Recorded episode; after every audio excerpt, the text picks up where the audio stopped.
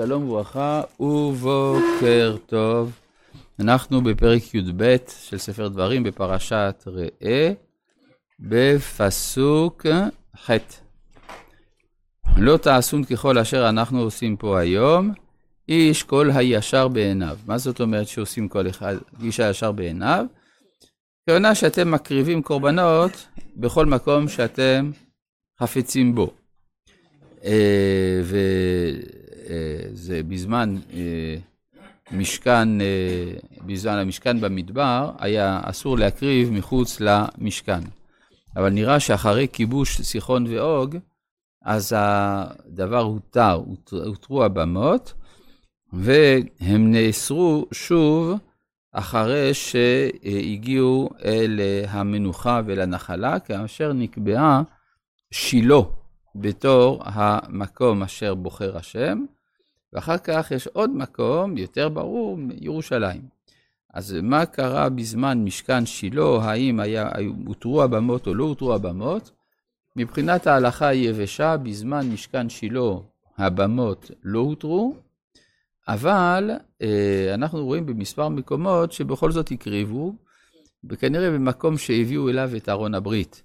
או לפעמים נראה שאולי משכן שילה לא תפקד כל הזמן, ולכן בזמנים שהוא לא היה מתפקד היה מותר להקריב בבמה. בכל מקרה, אומר כאן הכתוב, לא תעשון ככל אשר אנחנו עושים פה היום, איש כל הישר בעיניו, כי לא באתם עד עתה, אלא מנוחה ועל הנחלה אשר השם אלוהיך נותן לך. מנוחה ונחלה, לפי הפשט זה ארץ ישראל. לפי העומק של הדברים, זה מקום השראת השכינה, שזה המקדש. ולכן אומר כאן הכתוב, ועברתם את הירדן, וישבתם בארץ אשר השם אלוהיכם מנחיל אתכם, והניח לכם מכל אויביכם מסביב ישבתם בטח, והיה מקום אשר יבחר השם אלוהיכם לשכן, בו, לשכן שמו שם, שמה תביאו את כל אשר אנוכי מצווה אתכם, עולותיכם וזבחיכם, מסרותיכם ותרומות, ותרומת ידכם, וכל מבחר נדרכם אשר תדרו להשם. זאת אומרת שככל שהממלכה מתבססת, כך הפולחן נהיה יותר ריכוזי. כלומר, כשעדיין אין בירה, אין אה, מלכות מסודרת, אז יש עדיין אה, מקום לעבודת השם, כל אחד על בסיס שבטי או אפילו משפחתי, כל אדם בחצר האחורית שלו, היה לו איזה מזבח קטן ששם הוא היה מקריב לשם. ברגע שיש בהתבססות של המלכות, יש גם אחדות של האומה. בגלל האחדות של האומה, אז נפסלות היוזמות הפרטיות, עבודה בבמה. בימינו, למשל, שאין לנו מקדש, עדיין, לצערנו הרב, אז יש מקומות עבודת השם, לא על ידי קורבן, זה לא, חוזר, לא חזר, אבל על ידי תפילה וקריאת התורה. קוראים לזה בתי כנסת. בתי כנסת ממלאים פחות או יותר את התפקיד שמילאו הבמות אה, בימי קדם.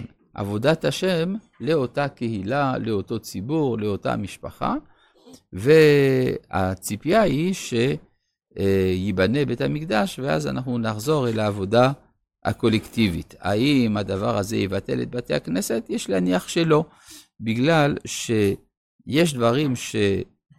ערכים שהופיעו בהיסטוריה בדיעבד, שאחר כך קיבלו ערך של לכתחילה, ובתי הכנסת בכלל זה. מנוחה ונחלה. חז"ל אמרו, מנוחה זה שילה, נחלה זה ירושלים. כן.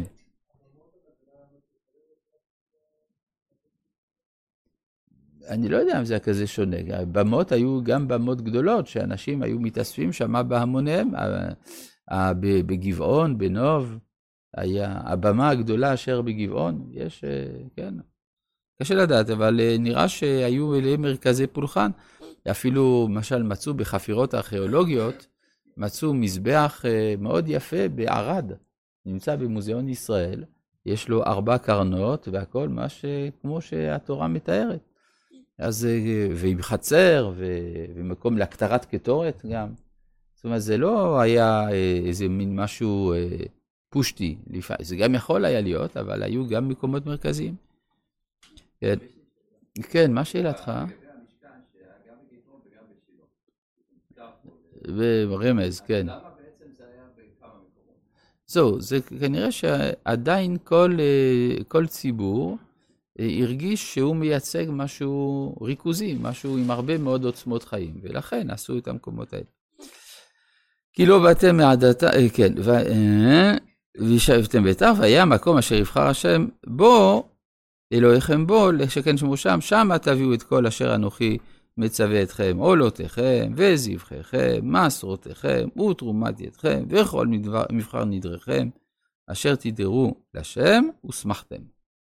שוב, אנחנו רואים את המגמה הקבועה של ספר דברים, הדגשת השמחה.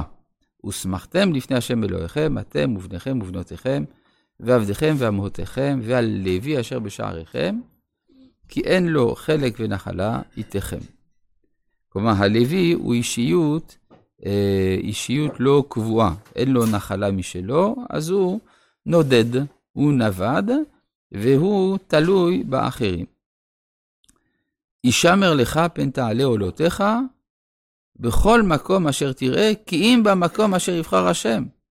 באחד שבטיך, אז לא ברור מהו השבט, דיברנו מדוע התורה לא אמרה מראש מהו המקום, שם תעלה עולותיך ושם תעשה כל אשר אנוכי מצווקה. שהעניין של באחד שבטיך בא להראות באמת את הבעייתיות שהייתה אם התורה הייתה אומרת מראש איפה להקריב. אה, כי אז היינו אומרים, כי אז כל שבט היה נלחם שהמקדש יהיה בנחלתו. אז אחרי שיש כבר אחדות של האומה וכבר יש מנוחה מכל האויבים מסביב, אז מסכימים שאחד השבטים יהיה זה שהשכינה תשרה אצלו. במקרה הזה, אגב, אה, היסטורית זה שבט בנימין, שלא שרתה שכינה, אלא בנחלת בנימין בלבד. כן, מה השאלה? נכון. נכון, אז זה לא שאלה, זה אמת. השם הוא הבוחר. לפי הנביא. כן, הרי שמואל הנביא הוא זה שקבע, יחד עם דוד המלך, ברוח הקודש, מה יהיה המקום שבו אה, יבנו את המקדש. בניות ברמה. אז ישמר לך בין תעלה עולותיך בכל המקום אשר תראה, כן, אה, אה, בכל מקום שיראה, כי אם במקום שבחר השם לך שבטיך, שם תעלה עולותיך ושם תעשה את כל אשר אנוכי מצווק. נשאלת השאלה, כשיש פסוקים כל כך מפורשים, איך ייתכן שאבותינו היו מקריבים בבמה? כן, הרי לכל אורך תקופת המלוכה כמעט, אנחנו רואים שבני ישראל היו מקריבים בבמות. ורק בימי חזקיהו מלך יהודה, הדבר הזה בוטל. מה הם עשו? היו שואלים אותם, מה אתה עושה עם הפסוקים בספר דברים? הם, איך הם היו מסבירים את זה? כן? על יסוד זה ביקשו מבקרי המקרא לטעון שספר דברים נכתב אחרי חזקיהו. אבל זה ודאי לא נכון, מסיבה פשוטה. הרי כתוב מכל שבטיך. וכל ימי המלכות הייתה המדינה מפולגת. מפולגת. כן, היה שבטי יהודה, יהודה עם, ממלכת יהודה עם אה, ירושלים בתור בירה, וממלכת אה, ישראל עם שומרון בתור בירה. ולכן הם אמרו, זה לא אחד משבטיך, אז חוזר היתר הבמות. רק בימי חזקיהו שבוטלה הממלכה הצפונית על ידי הכיבוש האשורי, אז אמרו, אם ככה, כבר אין היתר לבמות, לכן חזקיהו היה לו כוח לבטל את הבמות. אז אדרבה, זה מראה שהחוק היה ידוע מראש, וזה מראה על קדמותו של ספר דברים. להפך טענתם של מבקרי המקרא.